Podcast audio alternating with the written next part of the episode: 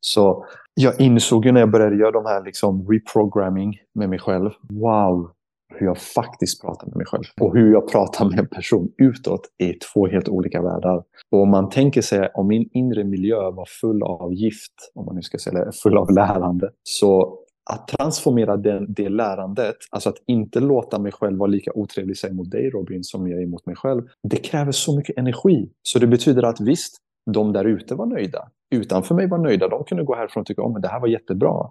Men inombords så vill jag bara hoppa. Och det är det jag tror är det viktigt för folk också att inse att om du inte är genuin inåt, du är fortfarande någon slags av transformator av energi som du börjar inåt väldigt hårt men du vill förmedla mjukt utåt. Den där resan som energin måste göra inom dig för att komma ut mjuk tar så mycket energi av dig från att du skulle börja vara mjuk inåt och det bara sipprar mjukt utåt. Ja. Så, så, så, så, det är sådana grejer som har liksom landat i mig att säga, men gud, jag, det, det, är väl klart. Det är som att jag behöver lyfta 100 kilo varje gång jag ska vara snäll mot någon. För mm. jag är inte snäll mot mig själv. Så, så återigen, så här, lärdomar från borrelian. Så kollar vi på det från, från hjärtats plats eller från att allt är ett lärande så, så blir det jätteintressant. Men det är ju verkligen en resa. För det var ju en, en gång i tiden jag verkligen, verkligen såg borrelian som, eh, det var ju krig inom, inom mig. Mm. Mm. Hej och välkommen tillbaka till Holistisk hälsa med PLC av mig, Robin Hallsten. Veckans gäst är Hesam Gavaed. Du får eh, ursäkta mig om jag inte lyckas med ditt uttal här Hesam. men eh, jag tror du förlåter mig. Hesam kommer i det här avsnittet dela med sig av sin resa från smärta till frihet, hans kamp med borrelia och han kommer också dela med sig av ett alternativ perspektiv på sin egen ADHD och där vi båda pratar om eh, den aspekten av eh, den patologisering som han fick av eh, det svenska vårdsystemet. Vi pratar om inre tålamod för han och hans flickvän Josefin driver tillsammans Inner Patience eh, och där kan ni hitta hans hemsida innerpatience.se. Och vi snackar just det här om det inre tålamodet för inre förnimmelse av vår egna inre sanning och hur mycket av våra svar faktiskt finns där inom oss när vi stannar upp och har tålamod med oss själva. Så att det är ett eh, väldigt fint avsnitt där vi just diskuterar livet och hur vi också kan nå mer balans och frid. Jättekul att få dela det här avsnittet med dig. Men innan vi kör igång med avsnittet så vill jag bara påminna om vårt samarbete med Pureness. Använd koden PLC-podden med 2D när du checkar ut deras online-kassa för att få 20% rabatt på allt det du köper på pureness.se när det kommer till kosttillskott eller proteinpulver. Saker som helt enkelt kan främja din hälsa och hjälpa dig att optimera dig så mycket som du bara kan och så att du kan må bättre i ditt liv. Alltså PLC-podden med 2D för 20% rabatt på hela ditt köp. Och bara en sista sak innan vi rullar igång med det här avsnittet. Om du diggar det vi gör och det jag gör här i podden, för all del dela gärna med dig av detta. Prenumerera gärna på podden så att du inte missar nya avsnitt och ge oss gärna en femstjärnig recension där du lyssnar på den här podden för att hjälpa oss att spridas ännu mer till fler människor och på så sätt hjälpa till att skapa nya vägar till läkning och eh, så att vi kan hjälpa till att förändra just synen på hälsa här i Sverige. Tack för att du gör det för oss. Nu kör vi igång här med veckans avsnitt. Ja, hej Sam. Varmt Aha, välkommen till eh, podden. Tack Robin. Och jag måste också först bara innan vi drar igång med podden måste jag också tacka vår eh, gode vän Diamantis som har fört oss mm. samman. Eh, han introducerade mig både till Babak och nu till dig och mm. det ska bli väldigt intressant att lära känna ännu bättre genom att ja. podda med dig. ja, precis. Ja, men jättefint faktiskt och återigen tack till Diamantis om han tar sig tiden att lyssna på det här avsnittet yeah. framöver. Yes. Nej, men det är fint att ha vänner som, som eh, ser vad man kan erbjuda och pushar lite åt vissa yeah. håll som man själv kanske inte ser. Liksom, så. Mm. ja, och, det, och du, du är en intressant profil tycker jag. Liksom det jag har kollat igenom mm. och lyssnat på. finns mycket, otroligt mycket visdom som jag tror många kommer få mycket av från det här avsnittet, det är jag garanterad över. Eh, bara från det lilla vi har pratat här nu inför avsnittet här mm. också. Eh, men du är ju ganska ny för mig, eller jag träffade, du gjorde faktiskt en soundhealing-session när jag var på Dr. Diamantis and Friends i mars i, var det Rissne var det va? Ja, exakt. I de här konferens, konferenslokalerna ja. typ. Mm. Det var jättefint att mm. både träffa dig och din, eh, din flickvän eh, Josefin där också. Mm. Um, men, men för de som aldrig har uh, hört Hessams namn förut eller vet du, vet vem du är, kan du inte beskriva lite kort, uh, vem är du eller vad gör du just nu uh, i livet?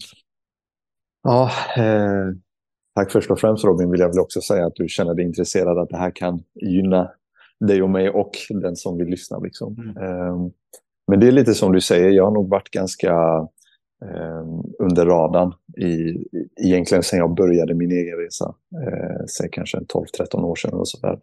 Men sen, det, jag vet inte, senaste fem åren, sex åren som jag började aktivt jobba med människor i form av att från hypnos till yoga till ljudterapi till vad det nu kan vara. Och eh, vem jag är. Jag tror att jag, jag är nog en person som fortfarande letar efter mm. avslappning och, och någon form av harmoni. Men att jag också kommit till en plats där jag kan känna att jag kan erbjuda det till folk som också letar och vi, vi gör det tillsammans. Vi letar framåt eller inte som ett form av jagande men mer att det finns många som bär på vilsenhet om man säger så. Och, och, jag tror genom min egen vilsenhet som jag fortfarande ibland blir förvånad över att det finns så pass mycket att vet, packa upp. Eh, så lär man ju sig grejer där på vägen. Yeah. Och jag tror att det är det då man säger så här, vem, vem är jag? Att, visst, en gång i tiden så min vilsenhet ledde mig till att ja, träna kampsport i många år. Och där kanske jag lärde mig så här, om hur min kropp fungerar och vad som är gas och vad som är broms. Och, och sen så eh, i min vilsenhet så ledde det mig till yoga och i min vilsenhet ledde det mig till ljudterapi i min vilsenhet så ledde det mig till djungeln eller till ja, men någon hypnoterapeutlärare hypnoterapeut, lärare i Holland. Alltså, så, så det, jag skulle nog säga med tacksamhet ändå, med mycket vilsenhet, men det, alltså att vilsenheten har varit den fina ådran som har lett till att man får lite olika verktyg. Och sen idag då, som jag och Josefin, att vi, vi tillsammans har hittat en fin harmoni. Okej, okay, det här är, kalla det något paket, om man nu säger så, vad vi är som vi kan erbjuda. Allt från att hon gör Exempelvis hon gör yin-yoga. Eh, och då passar jag på att göra ljudterapi mm. ovanför hennes yin-yoga. Men att vi möts på en plats där inte jag stör hennes yin-yoga och hon inte liksom stör, utan de gifter sig istället. Så, mm. så vem jag är? Ja, en letare, en älskare kanske. Mm. en sökare. En sökare, exakt. Mm. Jag kan känna igen mig mycket i det, det, det själv, att många kan ibland, kanske när man lyssnar på podden eller när de har mig som coach och bara, ja, verkar som du har kommit fram, liksom bara, ah, nej, det, är så långt ifrån. Och jag bara delar med mig av de korn kornen av sanning som jag hittar på resans gång. Och det är det som är så fint att kunna ha med folk på den här resan eh, och att veta att eh, min smärta eller mitt sökande kan generera in till svar som inte bara hjälper mig men också kan hjälpa andra som lyssnar eller som blir coachade. Att eh, vi kan ju aldrig hjälpa någon utan att själv ha gått igenom samma grad av eh, trauma eller samma typ av rädsla. Så att det är det som jag ser också ju djupare vi går i oss själva desto djupare kan vi också hjälpa andra i deras eh, deras liv också. Och det ser ju också det att det är det som ni gör, du och din, din partner, så att ni är guider också för andra som kanske behöver mer eh, avslappning eller komma i kontakt mer med, som ni, er hemsida heter ju Inner Patience, alltså det inre tålamodet. Mm. Um, så vi kan väl fortsätta där. Hur kommer det sig att ni har valt det namnet, Inner Patience, in det inre tålamodet och vad mm. betyder mm. det inre tålamodet för dig, Hesa? Mm. Jättefint. Det var, det var ganska många år sedan faktiskt. Det var innan ens jag hade mod att tänka att jag skulle vara egenföretagare som det namnet kom. Och jag, jag vaknade upp en morgon och så, och så det var som att det bara satt klistrat i mitt huvud.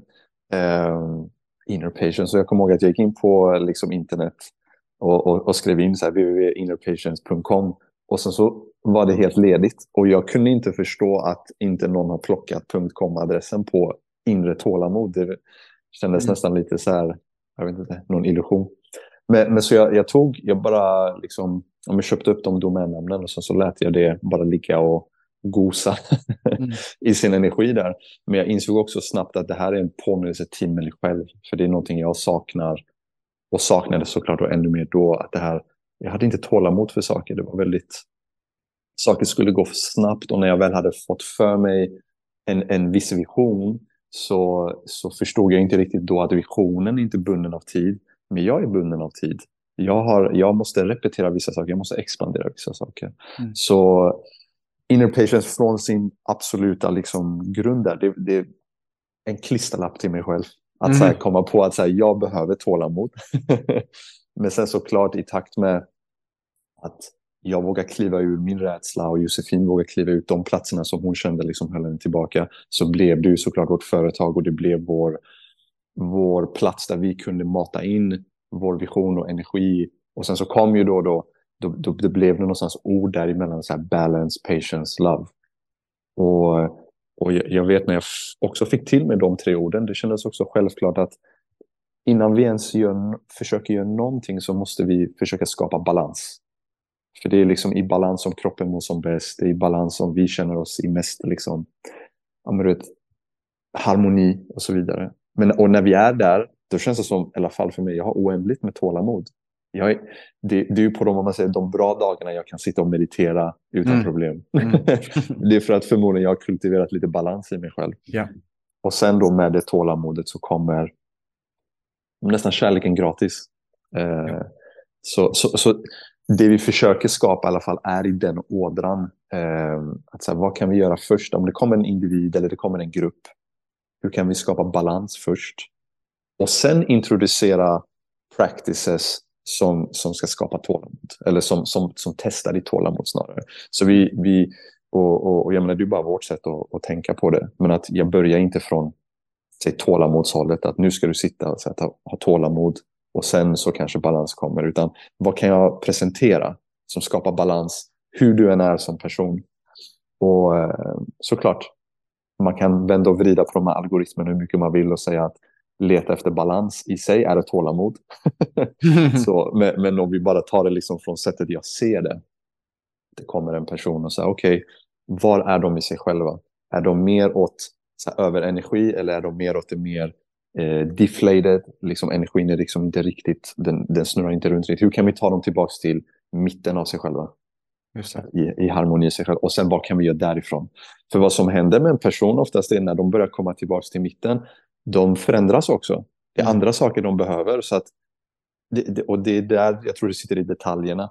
Att en person som är ja, men liksom lite hyper, lite överstressad, vad händer när de börjar komma tillbaka till mitten? Och vad händer när de gör det över längre tid? Då är de inte riktigt beroende av nästa stegs verktyg. Och då måste vi säga, okej, okay, den här personen har förändrats. Så nu mm. behöver de någonting annat. Som ska kultivera då det här tålamodet och ja, som sen då ska leda till, till kärlek. Om man nu bara tar det i på det sättet som vi ser det. Liksom. Mm. Jag tycker det är ett väldigt fint sätt att se det på, liksom att först bringa någon till homeostas eller till, till balans först innan vi lägger mm. på mer saker eller mera stimuli eller mera idéer och mer mind. Mm. Att det är det som vi ser också på PLC jobbar vi främst med när folk kommer in i vårt system och det vi jobbar med så är det främst work-in, sömn, andning, få koll på basen så att du mm. sen kan, alltså, och det är exakt det du beskriver här, den processen som vi gör fast med andra ord bara. Mm. Yeah. Att först få ner dem i balans och harmoni, för oftast vad som sker då är att, för att vi utgår från de sex grundprinciperna, men om man bara fokuserar på en, mm. till exempel sömnen, mm. så kommer det eh, vad heter det, det kommer alltså ge effekt på, få full effekt på alla andra saker. För att eh, om du har en bra sömn så kommer ditt sötsug bli ännu mindre. Du kommer också göra bättre rationella beslut, vilket gör att du kommer äta bättre och du kommer skapa mindre kaos runt omkring dig. Och då när vi är i den fasen, det är då vi kanske kan lägga till träning.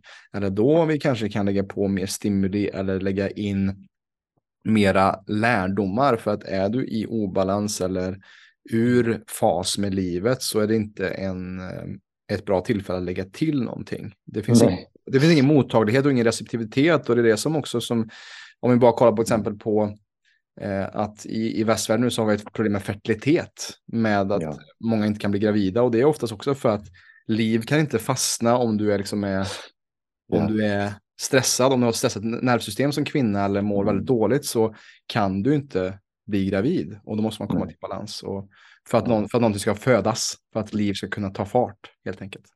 Ja, och att Liv ska känna att det är så här, ja, men det här är ett ställe jag vill växa i. Mm. det finns en miljö som jag skulle Exakt. vilja växa i. Precis. Ja. Nej, men jag tycker först. det är, Mm. ja, jag tycker det är jättevackert, eh, Robin. Vi pratade lite innan också, men jag tycker det är så fint att om man, om man tänker alla vi människor som någon form av instrument för, Mm. för läkande, konstant läkande eller konstant harmoni, så, så märker jag att det finns ju mästare på alla nivåer.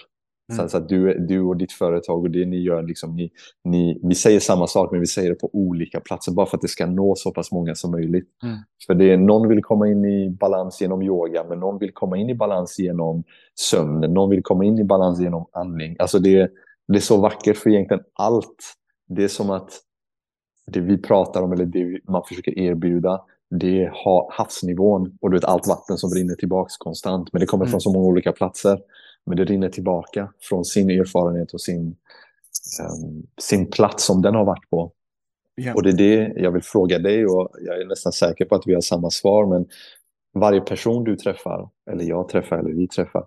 Jag tycker man lär sig så mycket om livet fortfarande. För de kommer från en, en helt unik plats. Även om stress ser likadant ut i kroppen och så vidare. Men de kommer från en unik plats, en unik historia.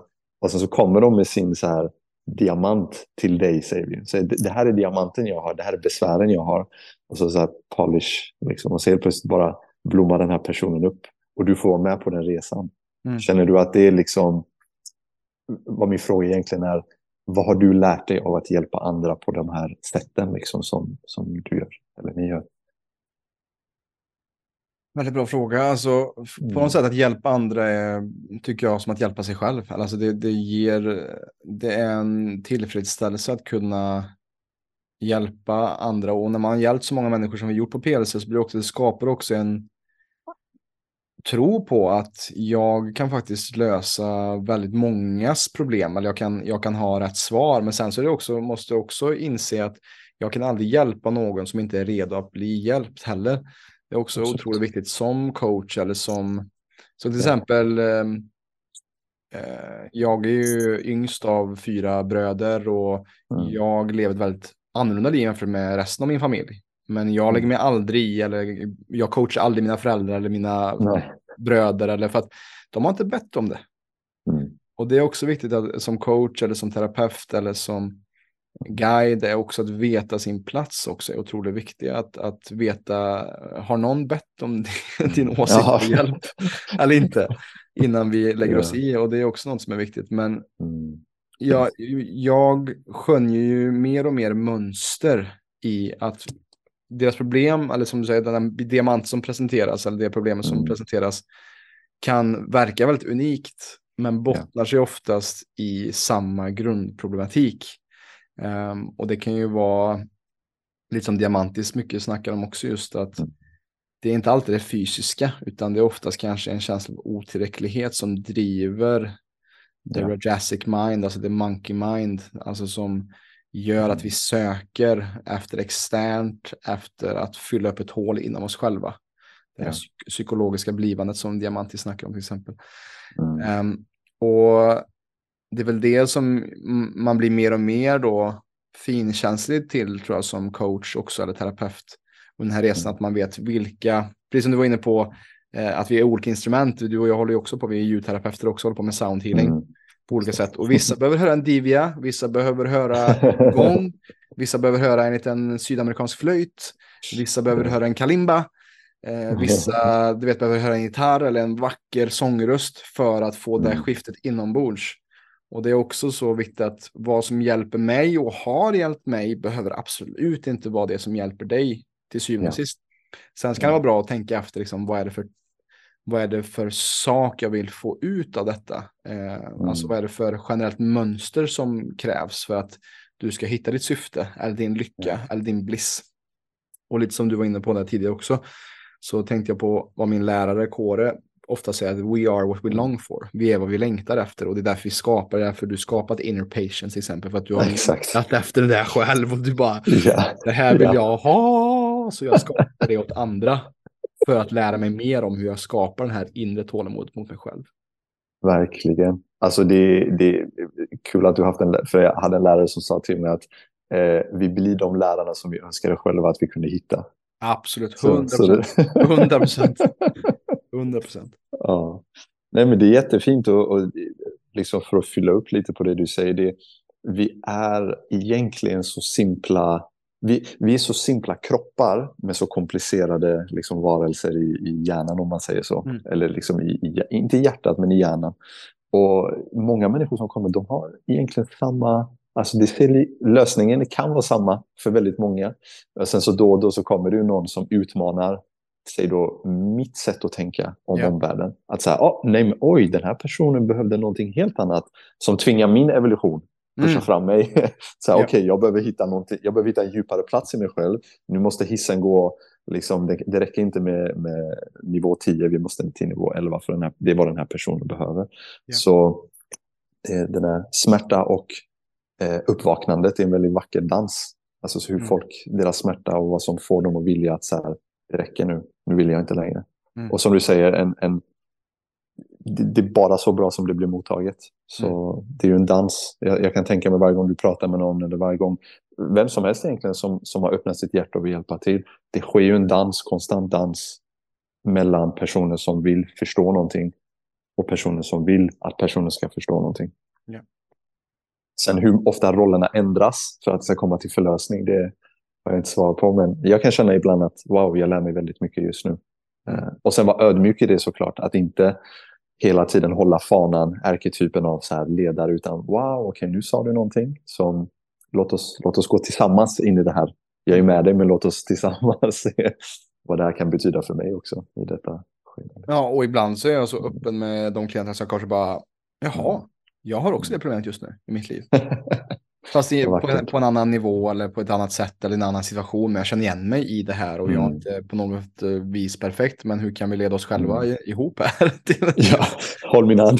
Ja, precis. Hur kan vi liksom uh, se detta? Alltså, mm. och också att, vara, att bara vara mänsklig. Att jag kan inte lösa mm. dina problem. Utan det är upp till dig själv. Att jag kan ha idéer på hur du kan gå tillväga. Men i slutändan så är det alltid du som behöver komma underfund med hur du väljer att göra det så att du inte blir också beroende av mig som terapeut eller coach också. Ytterligare en krycka som man använder. Ja. ja. Men, men som du säger, mm. ibland kan det vara just att någons problem är komplext eller eh, i mm. den eh, utvecklade samhälle som vi lever i idag, det teknologiska, alltså vi blir mer och mm. mera i vårt huvud eller mer och mer saker mm. som är som på om vi kollar på det på, på distans, att det är väldigt komplext, men när vi kommer ner på detaljnivå eller när vi kommer ner till så ser vi att det kanske är väldigt simpla grejer som krävs för varje individs läkning idag. Som jag ser bara mm. att ta bort saker, skapa tid för tystnad, rensa i din mat, kom ja. och gå och lägg dig i tid, tänk på din andning. Ja. Många av de sakerna som är autoimmuna eller saker som är ur fas eller som inte funkar. Så finns faktiskt, om vi går tillbaka till grunden av vad en människa behöver, en, en basbehoven, så kan vi lösa väldigt mycket utan att gå in på, ja, jag ska fixa den här lilla biten med det här pillret, eller du vet. Mm. Alltså, det kan bara behövas att man landar och sover en vecka, till exempel. Ja. Låta kroppen komma i egen resonans, mm. som man säger. Ja, och jag tror, eh, bara för att liksom lyfta upp det, varför jag tror det är viktigt att en person som kommer till en plats att okej, okay, nu vill jag supportera andra, att de har gått igenom majoriteten av sitt eget självläkande. Mm. För det är som du säger, det är väldigt lätt om man har en person som kommer som i sin mentala liksom, kapacitet tänker att det problemet jag har, det är bara jag som har det. Exakt. Det är ofta så. Det är, liksom, det, det är så komplext för dem. Och ja. För vad som händer är att när en person pratar till en annan person så pratar de från sina inre bilder. Ja. Men när vi tar emot informationen, det enda vi gör per automatik, det är att vi säger exempelvis, om du säger att eh, jag slog mig när jag var liten, du mm. har en bild, men när du levererar den informationen till mig så tänker jag på när jag slog mig när jag var liten. Mm. Så jag går in i mina egna bilder. Och det är det som jag tror är också ibland kan bli att när en person kommer och säger då har på ytan, åh jag har väldigt komplicerade saker. Om man gifter sig med historien, och mm. nu kommer vi in i ljudterapi lite kanske, men när vibrationen är nästan lite för lika, då ser man inte sin egen svans. Liksom. Alltså man, man har en krok där av mm. självläkning mm. och, och man, man gifter sig med deras då komplexitet som de tycker är komplext. Mm. För att det, det lyfter upp en plats i dig själv. Så, um, ja, jag vet inte varför jag ville lyfta upp just det där, men att komplexitet är mentala bilder som vi, vi kan hjälpa oss själva av, som du säger, att tysta ner saker.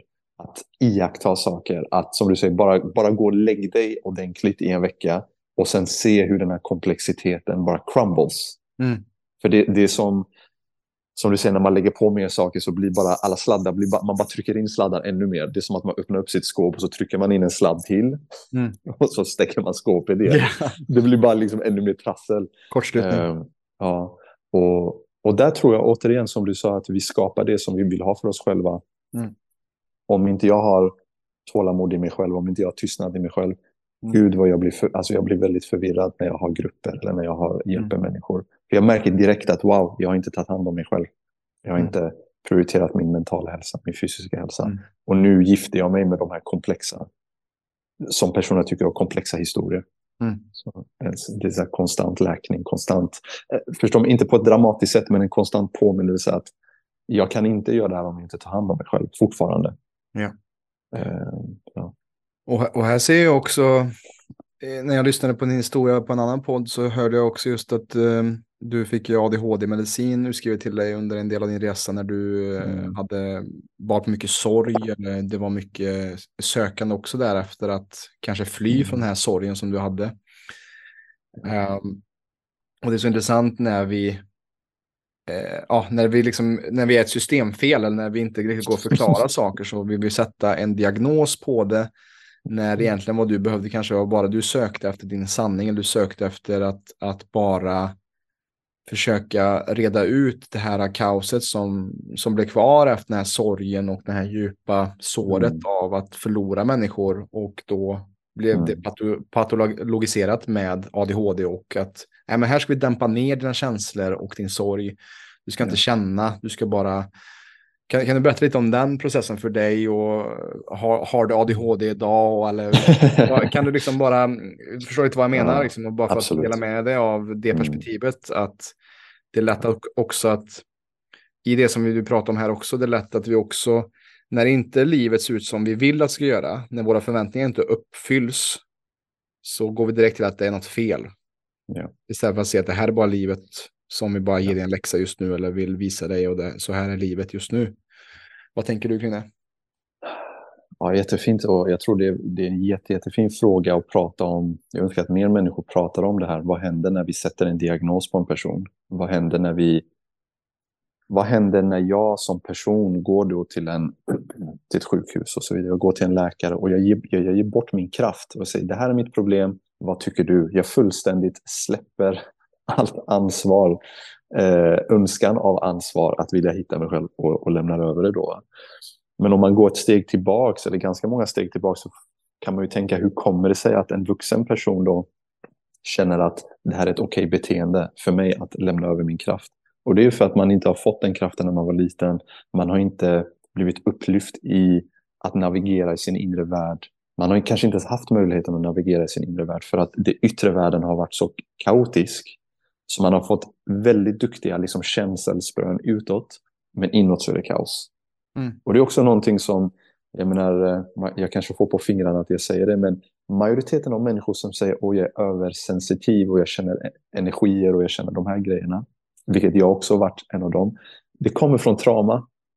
Det kommer från oarbetat trauma som gör att du har blivit så duktig på att exempelvis veta att så länge min pappa är glad så får inte jag stryk.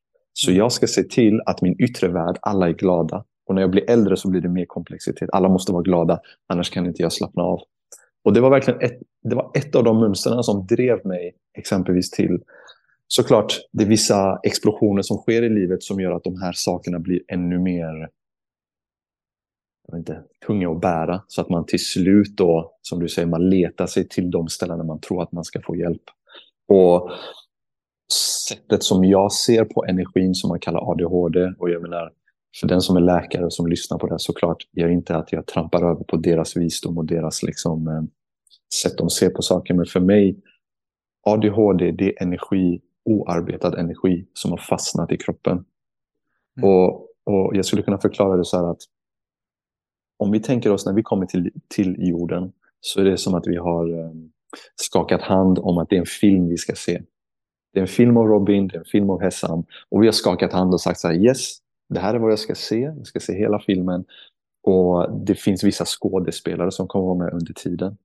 Om jag då säger mina första sju år, första tolv år eller vad det är när man är väldigt sensitiv och i, i väldigt inspelande fas, så då klipper bort vissa avsnitt som vi också kan kalla trauma, för man får ju blackout eller man får freeze eller på något sätt så tar man bort en del av filmsnutten som man mm. har sagt att man ska se och så bara, psh, bara kastar man iväg den.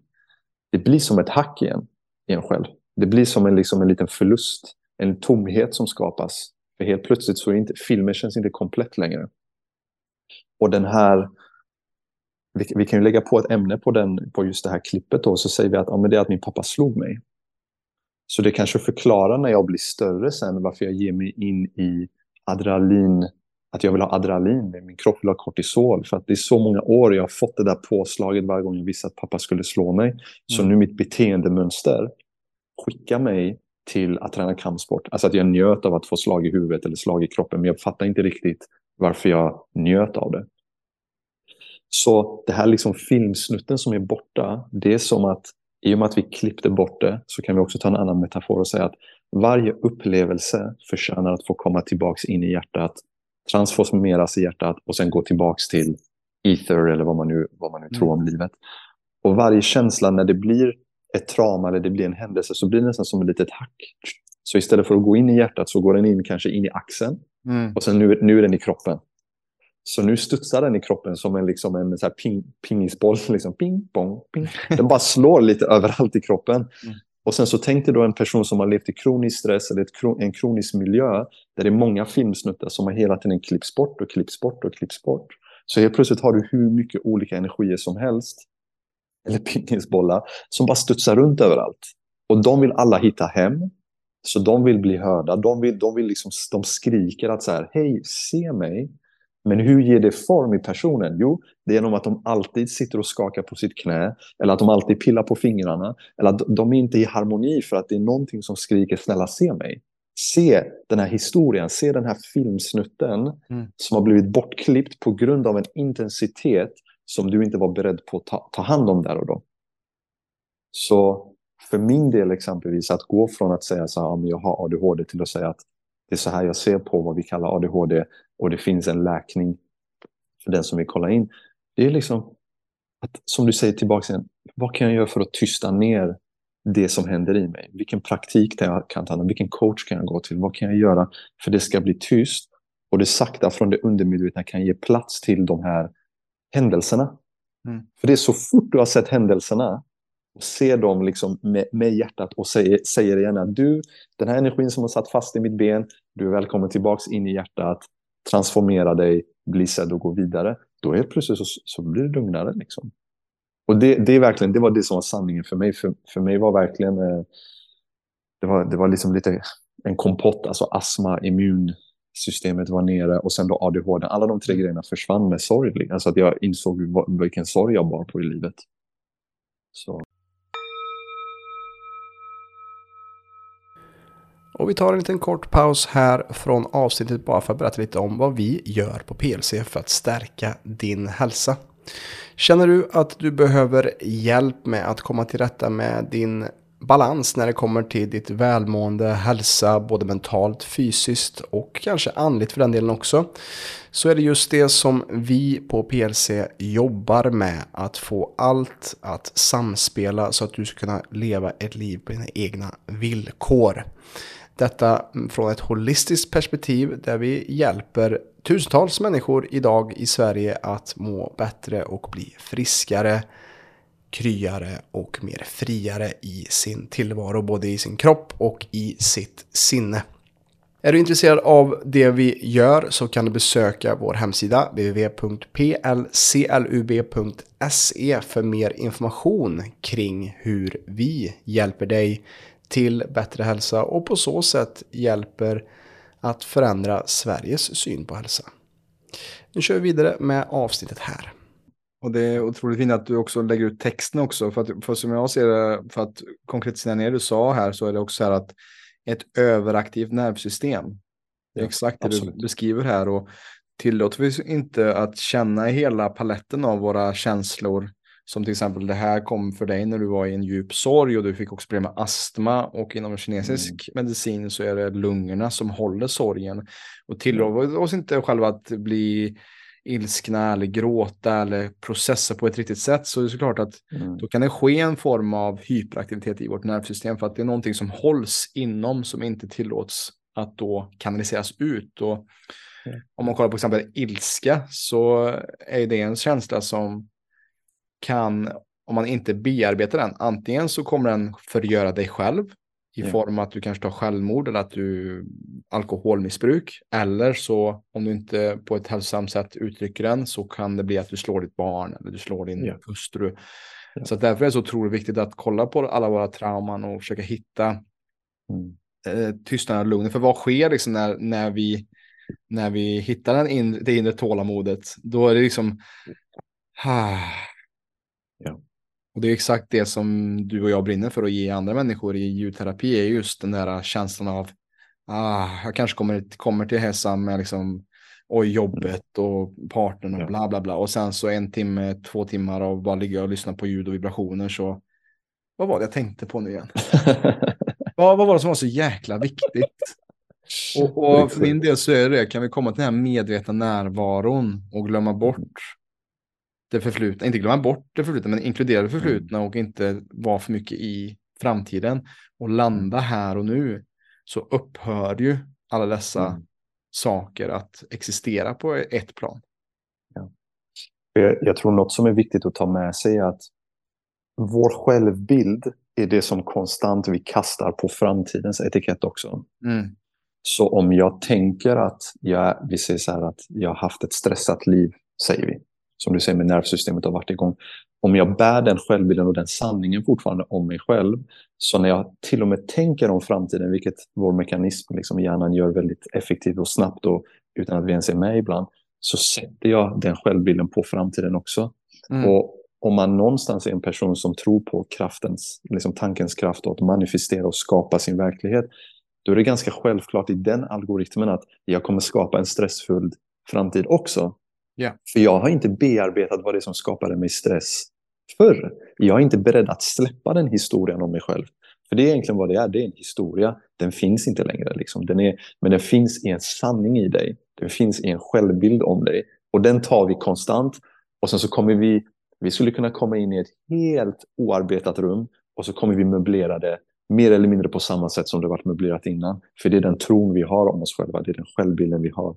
Och det är liksom det om vi tar då ADHD, varför det liksom till slut bottnade att så här, du ska, nu ska du äta de här tabletterna. Och som de sa till mig, och det är också fint, jag menar, de här människorna som är där, de, de har också hjärtat på rätt ställe. Ja. De vill ju hjälpa till. Alltså jag ser ju på, alltså det, det, liksom, det, det, det finns inget ont i, ont i dem, men som de sa till mig, så här, Nej, men du är en sån där person som det, det, det imploderar mycket hos dig, så det syns inte utåt. Va, va, okej, okay, tänker jag då. Okay, jag tar emot den informationen, går därifrån och tänker, aha, okej. Okay. Så ja, jag blir ju inte arg utåt så ofta. Jag slår ju ingen. Jag är inte, eh, ska man säga, oartig mot folk eller otrevlig, liksom så där, men det imploderar inåt. Vad det gör är att det tar en komplexitet som jag inte har arbetat. Så nu får den en ny komplex titel som betyder implosion. Så det betyder att i framtiden så skapar jag mer situationer där jag mm. exploderar mm. inåt hela tiden. Mm. Så, så liksom jag har fått, jag fått liksom en, en ett till block på mitt problem. Så egentligen borde ju personen där och säga, hörru, eh, ska, ska, vi, ska vi gå lite längre bak? Ska vi, kan du inte berätta om ditt liv? Kan vi, inte, kan vi inte sätta upp tolv veckor här där du och jag ses? Och sen så lyssnar jag bara. Jag, bara jag, jag behöver inte ens, i grund och botten, jag behöver inte ens säga någonting. Jag bara har ett öppet hjärta ett lyssnande öra och så nickar jag lite då och då. Kanske inte ens det. Så här, kan vi se vad, vad, vad händer då? Om du, om du känner att du blir lyssnad på för första gången.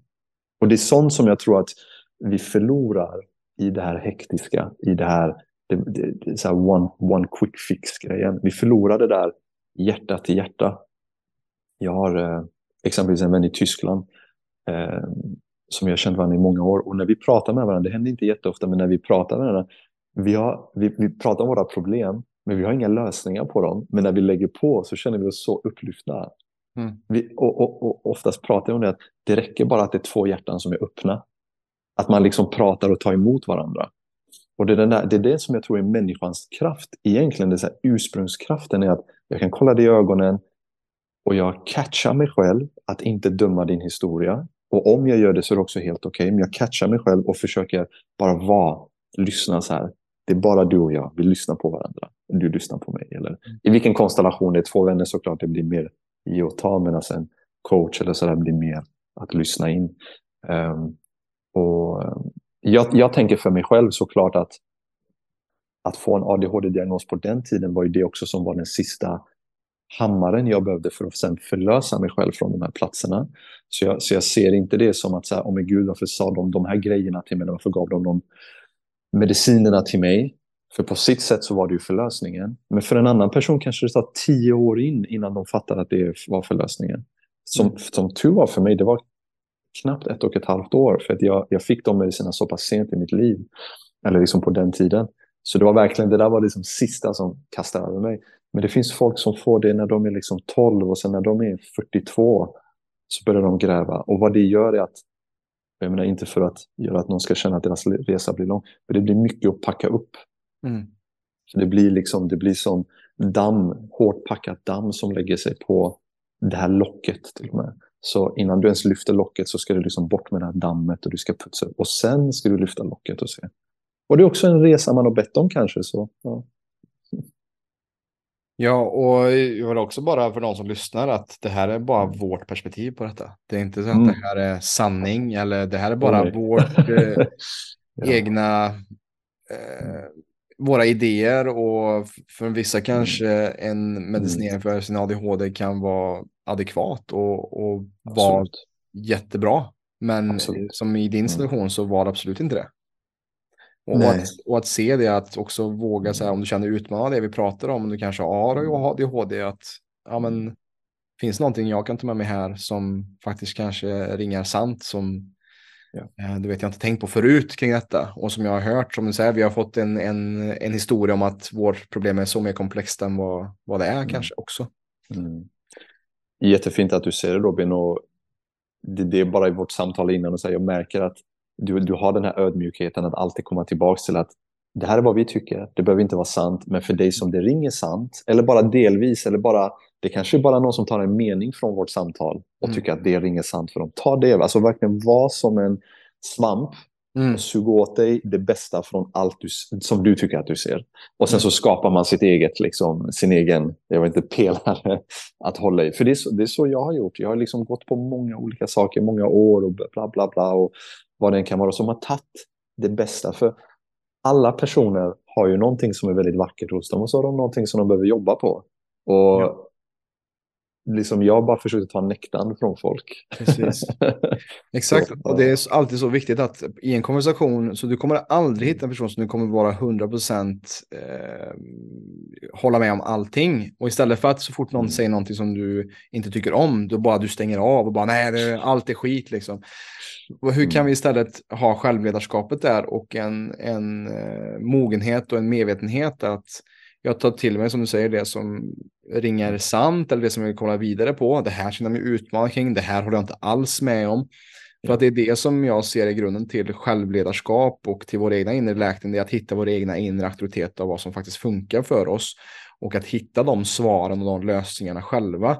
Och då kan mm. man hitta en pusselbit i kanske den här podden. Eller i någon annans podd eller en annan bok. Och, men bara för att vi pratar om det här så behöver mm. ingenting vara sant egentligen. Nej. Det här är våra tankar och idéer. Exakt, och jag vill också lyfta upp det att eh, jag tror när man är i ett letande och hittar ett nytt verktyg så i början så är det verktyget supereffektivt. Så jag vill också säga det att helt plötsligt så, så hittar jag en plats med ADHD-medicin i detta fallet. Jag hittade en plats i mig själv som var så här wow, kan jag vara så här stilla? Mm. Och jag menar, det, det är intressant om vi liksom bara borrar ner i det att från att aldrig haft en tanke om att jag kan vara stilla, så just kanske en, två månader var jag så här, wow vad stilla jag är. Så det var nästan som att det var en presentation att de här tabletterna trycker på en plats inom dig, så det betyder att den knappen finns där. Kan du trycka på den knappen själv? Men det är ju då, om man, när man förlänger det för mig, förbi två månader, förbi tre månader, man märker wow, okej, okay, min aptit, jag har ingen aptit, jag har knappt salivproduktion, så jag börjar få hål i tänderna, jag, jag sover sämre. Då helt plötsligt märker man, okej, okay, det här mm. funkar mm. inte för mig. Just det. Men, men som du säger, låt oss säga att en person är kvar i det där honeymoon face, om man nu kallar det så. Eller liksom, för dem blir det ju inte en honeymoon. Det bara är där. Wow, jag känner stillhet, mitt liv fungerar. Jag kan, vara en, jag kan vara en bättre person, jag är en bättre kollega, jag är en bättre pappa, jag är en bättre mamma. För det är essensen av allt vi pratar om är att bli en bättre person. Men inte med kamp, utan bara att vara en bättre person snarare än att bli. Utan så här, Igår var jag så här, idag kan jag be om ursäkt. I förrgår var jag så där, idag kan jag berätta att jag är ledsen. Alltså, det, det, det är ett förfinande. Det är som ett förfinande hela tiden. Och, och vad det är för verktyg som tar dig dit, det är så här, whatever floats your boat, go for it. Men var ärlig mot dig själv när du känner att det inte ringer lika sant längre. Ja. Ja, för jag vill också flika in att till exempel alkohol kan också vara en medicin för många. För att det kan vara liksom det bästa sättet för dem att hålla det här obearbetade traumat eh, lugnt i sig själv innan de är, redo innan de är redo att packa upp det.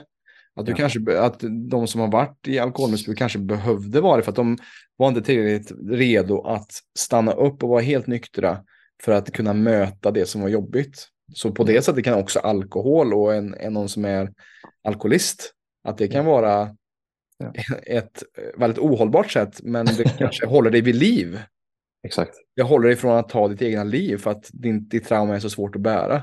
Och det perspektivet är inte heller så många som tänker på. Att vadå, mm. kan ett alkoholmissbruk vara, ja, det är inte hälsosamt såklart, men, men alltså att, att det kan vara någonting som håller oss levande tills dess att vi är redo att göra oss av med beroendet för att kolla och packa upp vårt trauma som annars kanske skulle göra att den smärtan varit så enorm att vi skulle ja. kanske ta våra liv. Ja, verkligen. Och jag, jag, jag tänker, tänkte en tvåbarns, ensamstående tvåbarnsmamma som går på antidepressiva. Ja för att hon ska kunna funktionera tillräckligt mycket för att kunna ta hand om sina barn och ge dem en framtid som hon från botten av sitt hjärta vill att de ska få. Precis. Det är liksom bara ett sånt scenario får hon att tänka efter. Ja, och återigen, att man backar tillbaka igen på den här att vi kan inte mäta smärta i varandra. Vi har inte de verktygen. Jag, jag, jag vet inte hur det känns för någon annan att känna smärta. Jag vet bara hur det känns för mig. Så att, bara liksom, att landa i det att så här, alla människor i grund och botten är goda och vill vara goda. Det, det, är verkligen en tro jag har. Och sen någonstans så blir livet mer komplicerat. Det blir mer ansvar och nu så tar man till hjälpmedel för att kunna funktionera och kunna, liksom, som du säger, inte liksom pusha sig själv över gränsen. Mm. Eh, så ja, verkligen. Och på tal om, om smärta, Hesam, så mm vet jag också att du har ju också de senaste åren också haft lite hälsobekymmer, lite liknande som Diamantis också hade, eh, mm. som också var sängliggande eh, och problem med just eh, borrelia. Mm. Kan du berätta lite den smärtan och den resan och den har inneburit för dig och vad du har lärt dig om dig själv, din smärta och, och, mm. och om dig själv kring detta? Ja, fint. Um, Ja, alltså jag och Diamantis träffades. Det, det är fint när man träffar människor i en viss tid där man inser sen i efterhand att det här mötet var för att vi skulle hjälpa varandra. Mm. Så ja, Diamantis brukar säga att han hjälpte mig verkligen från den fysiska aspekten. För jag hade, jag hade glömt bort min kropp. Eh, jag hade fokuserat så mycket på någon slags andligt uppvaknande och själsligt. Och, så jag kunde mycket teorier, men jag hade, jag hade lämnat kroppen ganska liksom fem, sex år bak. Så eh, min kost var inte bra. Återigen, det här är bara min, min sanning. Men jag hade, jag hade gått över till vegansk kost eh, sen ganska många år tillbaka och märkt att till slut att det är också det som gjorde att jag var väldigt öppen för att mitt immunförsvar inte klarade av att bli biten av en fästing. Liksom i, mm. tror det var i Frankrike jag blev biten av en fästing. Eh, som sen blev någon perfekt storm kombinerat med liksom ett nervsystem som ständigt var lite i action. Och sådär. Så, så för mig, och, och det är det här som kan ibland vara svårt att tackla, att man tänker, men gud, jag har gjort så mycket och jobbat så mycket med mig själv. Men så kommer ett nytt sätt och ett mm. nytt problem, en ny smärta. Och det är så här, okej, okay. eh, fan vad jag är trött på det här. Jag är trött på att det kommer någonting nytt konstant. men, men, när jag kollar tillbaka på det återigen, jag supporterade Diamantis på sätt att se på saker och han supporterade min kropp, hur den ska se på saker. Mm. Och tillsammans så, så har vi skapat en harmoni i oss själva. Liksom, mm.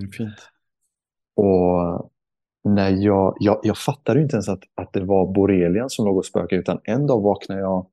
Jag var och jobbade i Tyskland och jag kommer ihåg att det var som att jag blev skjuten i ryggen. Alltså om jag bara ska jämföra. Alltså det var bara, det var som ett skott liksom.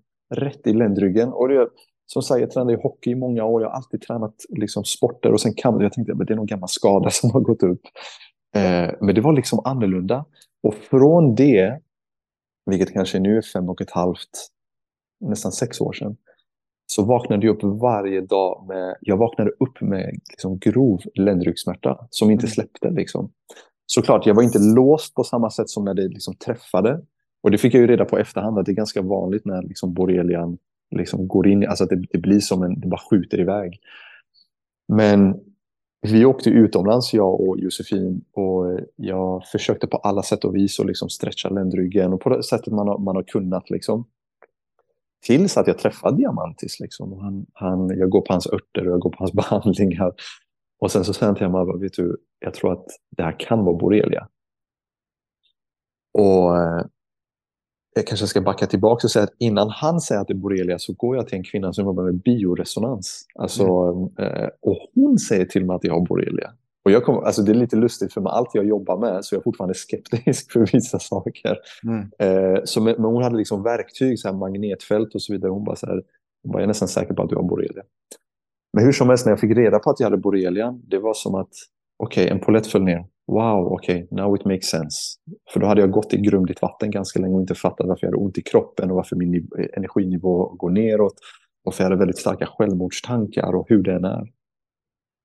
Men det blev djupare när jag började behandla kroppen. När jag började hjälpa kroppen att så här, nu ska jag ta tag i det här. Så det var då jag gick liksom från att ändå ha tillräckligt med energi till att verkligen inte ha någonting alls.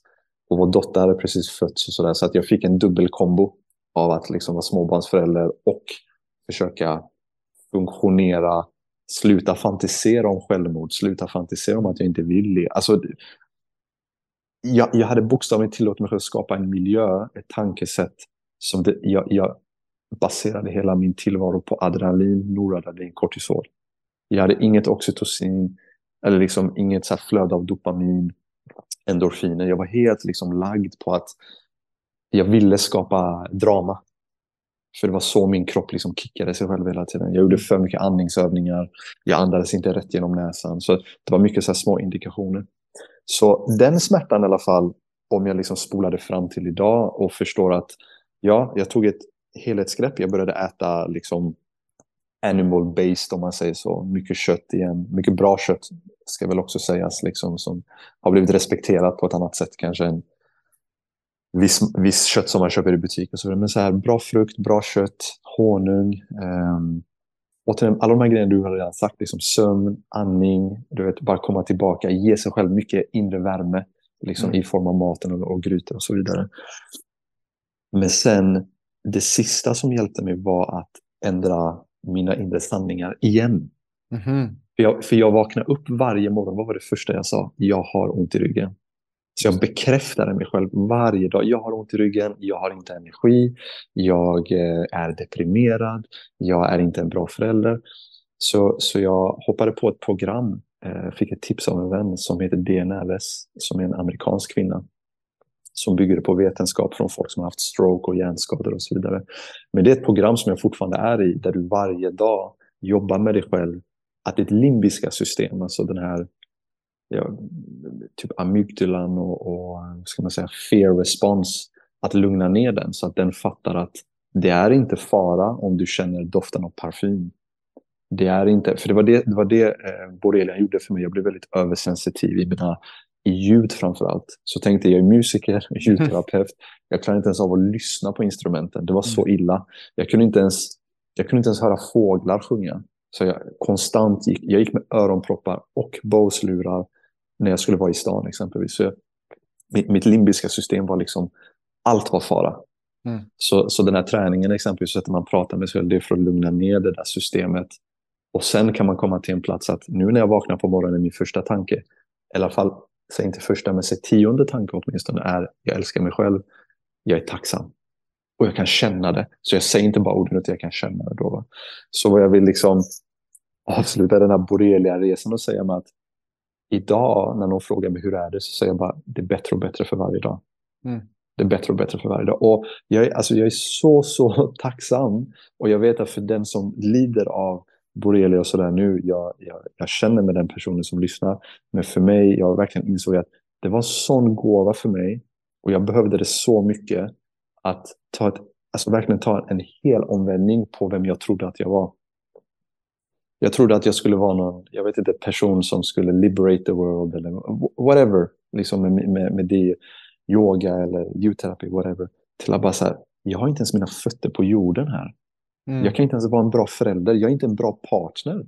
Jag, jag är arg och irriterad. Och sen så när jag pratar med en person som jag ska hjälpa så slår jag på någon slags mask. Och det var så här, jag hade redan känt de där platserna innan jag visste att jag hade borrelia. Men vad borrelian gjorde var så här, kolla på dig själv, du har fortfarande masker kvar.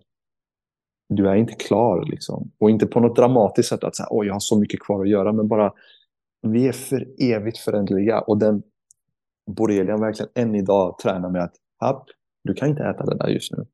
Du får äta lite bröd med gluten, men du kan inte äta bröd med gluten varje dag för det funkar inte för dig. Exempelvis då. Mm. Så det har blivit från en inre röst av fight till en guide på något sätt. Mm. Så den hjälper mig att hitta min balans. Och, och, jag menar, det har blivit min sanning och det är så till slut jag gift mig med borrelen. Att så här, okej, okay, om jag vaknar upp en dag och faktiskt har ont i ryggen, jag skyller inte på något. Jag, jag bekräftar inte ens att här, jag har ont i ryggen, utan jag säger jag har ett lärande. Det är någonting som jag inte har kollat på som har pekat på att du har, du har, inflammationen har gått upp för att du har inte lyssnat på vissa platser. Och då slår det mig helt plötsligt, ja just det, jag kanske käkade de där grejerna för tre dagar sedan. Och nu är det effekten som kommer. Ja. Exempelvis. Så borrelen har hjälpt mig genom, och förstå mig rätt mycket smärta och sådär, men att vara mer ärlig mot mig själv och, och inse vad som funkar, vad som inte funkar och verkligen få fötterna med på jorden. Liksom. Mm. Ja, men smärta är ju en, en, stor uppvakningsagent, så är det alltid. Alltså, om allt mm. hade, hade varit bekvämt jämt så hade vi inte sökt efter, efter att bli bättre kanske alltid. Och mm. som jag, vad, jag, vad jag tänker på när du pratade, någonting som min kompis sa häromveckan, another level, uh, another level, a new devil. Alltså att när vi, när, vi, när vi levlar upp i livet och liksom som du bara, ja, men nu har jag gjort alla de här äh, praktikerna och jag, jag kan dem och teoretiskt kan jag mycket men jag har glömt bort min kropp. Mm. Okej, här får jag en läxa att, att verkligen få lära mig av, okej, vad behöver jag lära mig om min kropp för att läka den när det kommer så här och, och att vara ödmjuk över att jag kan inte hjälpa jag kan inte läka hela världen först för jag behöver kolla på min egen skit här. Liksom. Och det är intressant också att både du och Diamantis hade samma resa där då. Att uh, han var också ja. när, hans fru var höggravid. Hade också problem med ja. borrelian. Så det är ju väldigt intressant. Uh, mm. Den resan ni måste ha gått ihop också. Och intressant att höra hur du också kunde vända på det med hjälp av just vila och göra förändringar i kosten och, och ge ja. mer tid till just återhämtningen och mer yin-aktiviteter då. Ja, och, och ehm, för, för vad, vad, som hände såklart är att vi ser om jag gör inaktiviteter. Det som gick i mitt huvud i början var alltså de hårdaste orden man kan tänka sig mot mig själv. Mm. Och det var, min, det var min natural state att prata med mig själv. Att något mm. jagande, att det ska vara perfekt liksom hela tiden. Och, och återigen, det här är sånt som inte syns utåt för att man har blivit duktig på att anamma en mask av det här är personen som levererar, jag inte, ljudterapi, det här är personen som yeah. levererar de här sanningarna. Så men jag hade bara bypassat hela kroppen. Så jag insåg ju när jag började göra de här liksom reprogramming med mig själv, att så här, wow, hur jag faktiskt pratar med mig själv. Mm. Och hur jag pratar med en person utåt är två helt olika världar. Och, och man tänker sig om min inre miljö var full av gift, om man nu ska säga det, full av lärande, så att transformera den, det lärandet, alltså att inte låta mig själv vara lika otrevlig sig mot dig Robin som jag är mot mig själv, det kräver så mycket energi. Mm. Så det betyder att visst, de där ute var nöjda. Utanför mig var nöjda. De kunde gå härifrån och tycka att oh, det här var jättebra. Men inombords så vill jag bara hoppa. Och det är det jag tror är det viktigt för folk också att inse att om du inte är genuin inåt, du är fortfarande någon slags av eh, transformator av energi som du börjar inåt väldigt hårt, men du vill förmedla mjukt utåt.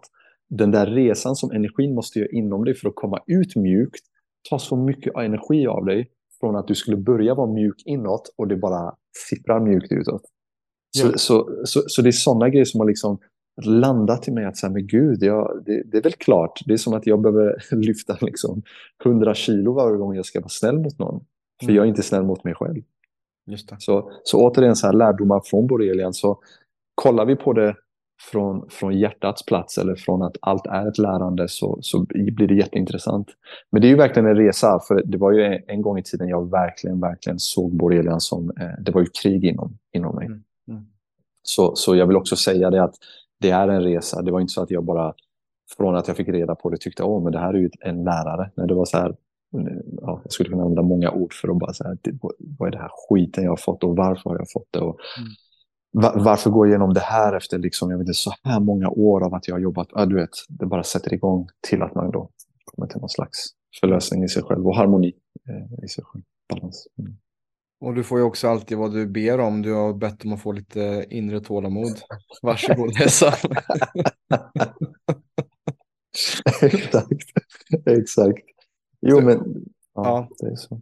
Mm. Och, och jag tänker att ehm, ehm, vi kommer sakta runda av här för idag tänker jag. Mm. Men, men jag tänker vi kan runda av just med just det här inre tålamodet. För jag har lite fritt översatt någonting som stod på er hemsida. Mm. Inre tålamod för inre förnimmelse av vår inre sanning. Ehm, mm, vad, vad är ditt bästa verktyg själv Hessan för att hitta din inre sanning och ditt inre tålamod, den resan som du varit på? Ja, vad fint. Min inre sanning kommer från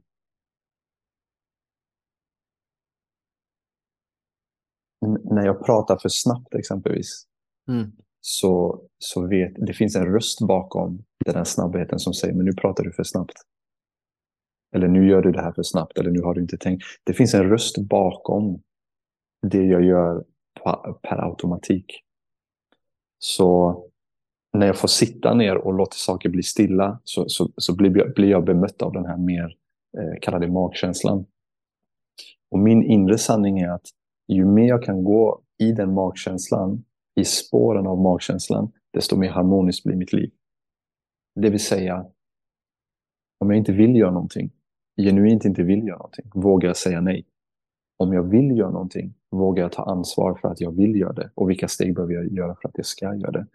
Så, men det är väldigt lätt att säga nej till någonting som man vill säga ja till och det är väldigt lätt att säga ja till något som man vill säga nej till. Men den där rösten, den där sanningen där inne har svaret.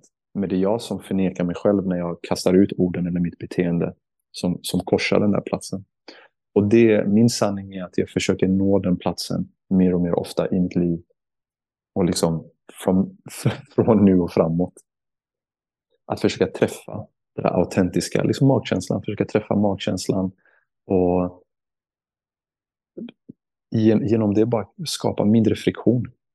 Mm. Det är som så här, what is the, vilken väg är det som bär minst friktion men ändå är liksom i tecken av kärlek, tecken av eh, compassion och alla de här liksom fina, fina pelarna. Så. Mm. När du ändå frågar den sådär, för jag tror inte jag har suttit med den heller, så det var Nej. fint att få begrunda den lite först. Ja, men det är det jag hör också, liksom det här, vart Mm. var vi dina också på i det här samtalet, så här självledarskapet eller att lyssna, hitta den inre rösten och inre kraften. Och Mm. Det är på något sätt så vi verkligen läker oss själva och Mm. eh, det är det vi vill med den här podden också, att inspirera till att hitta din egna läkning och din egna sanning och så att vi kan liksom förändra vår egen syn på hälsa och därmed förändra Sveriges syn på hälsa. Så jättevackert att du säger så. Ja, fint. Ehm, Jag, jag vill bara fråga också. Jag vill skicka Mm. tillbaka frågan till dig, Robin. ja. Så här, vad, vad, vad känner du idag är din sanning? Och vad är det du skulle vilja att, att det är en sanning som du känner kan vara med dig eh, lite varje dag i resten av ditt liv, om man säger så. Mm. Min sanning. Oj. Hur lång tid, hur lång tid har vi?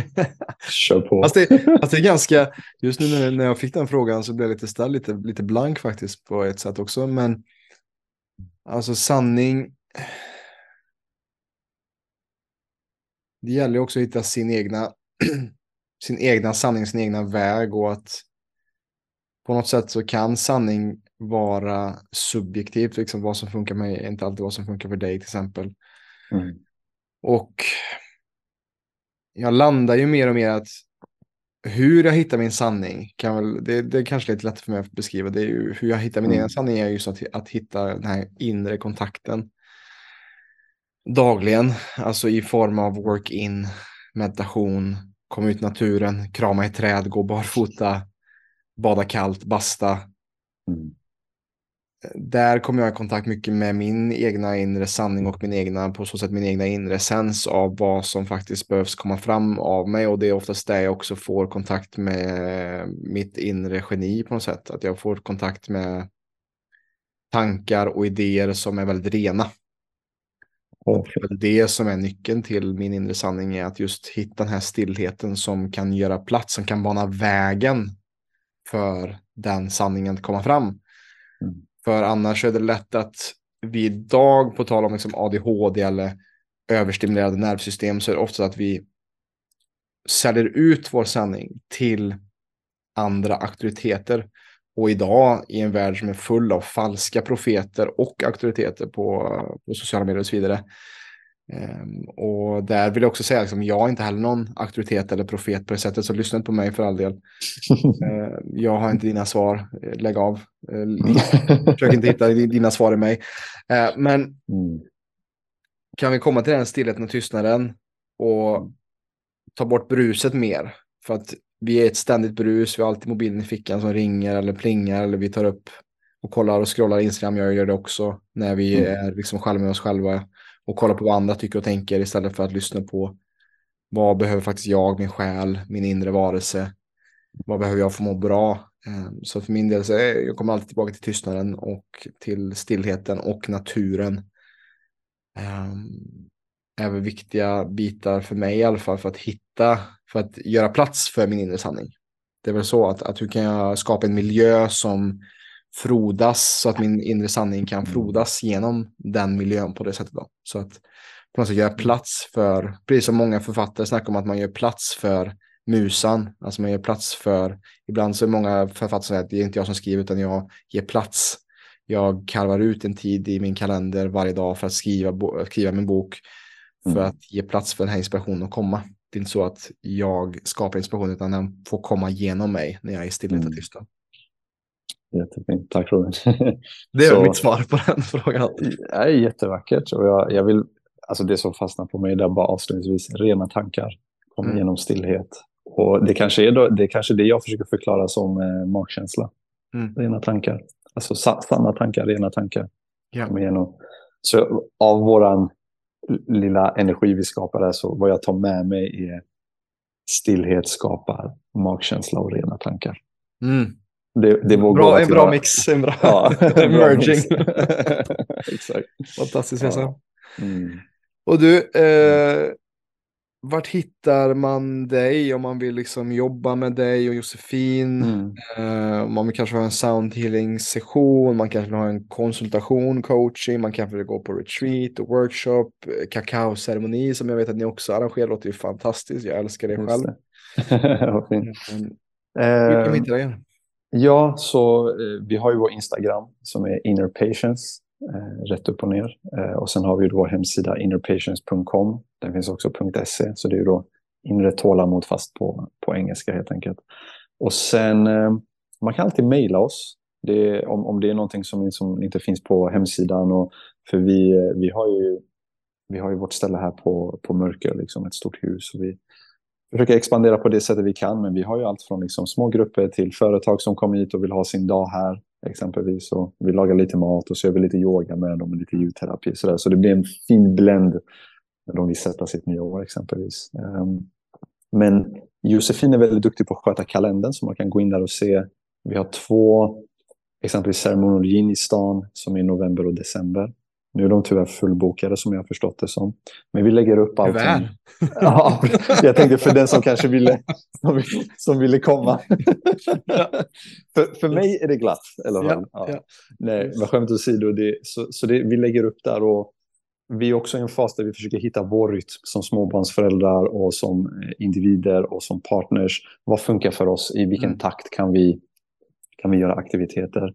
Men sen är det också om exempelvis man är nyfiken på eh, ha ett väldigt avklätt mentorskap exempelvis eller coaching eller hur man nu kallar det. Så jag är också öppen för de platserna och det är någonting som jag börjar toucha på lite eh, också i nya fasen i min då inre tålamod. Att bara lyssna in en annan person och vara där och se vad det är som funkar för dem och vilka verktyg man kan ge dem. Så alla frågor är välkomna egentligen om man inte hittar på hemsidan redan något som, som Ja. funkar för en. Eh, och ljudterapi och sådär, det vi har ju ett koncept som vi kommer köra som är just Balance, Patience, Love. Så det är tre olika retreats som kommer vara löpande. Och, och de har olika teman helt enkelt beroende Mm. på balans. Det är liksom mer fokus på nervsystemet.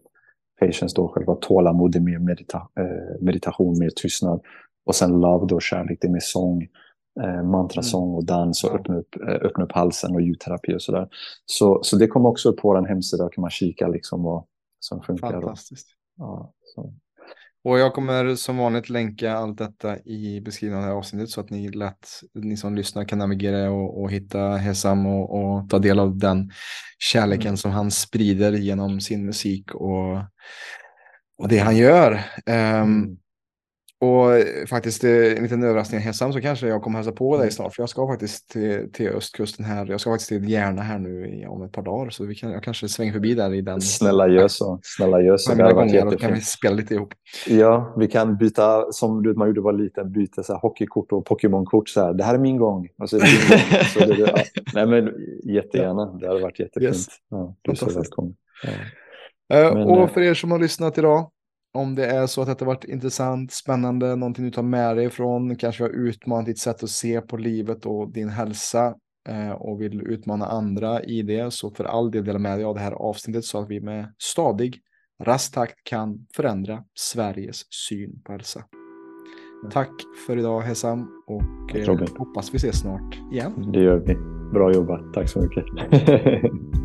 Stort tack för att du har lyssnat på veckans avsnitt av Holistisk hälsa med PLC med mig Robin Hallsten och idag Hessan.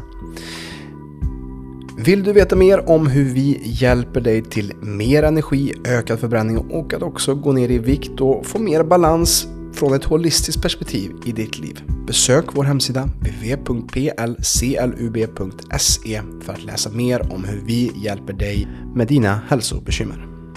På återhörande, ta hand om dig, vi ses.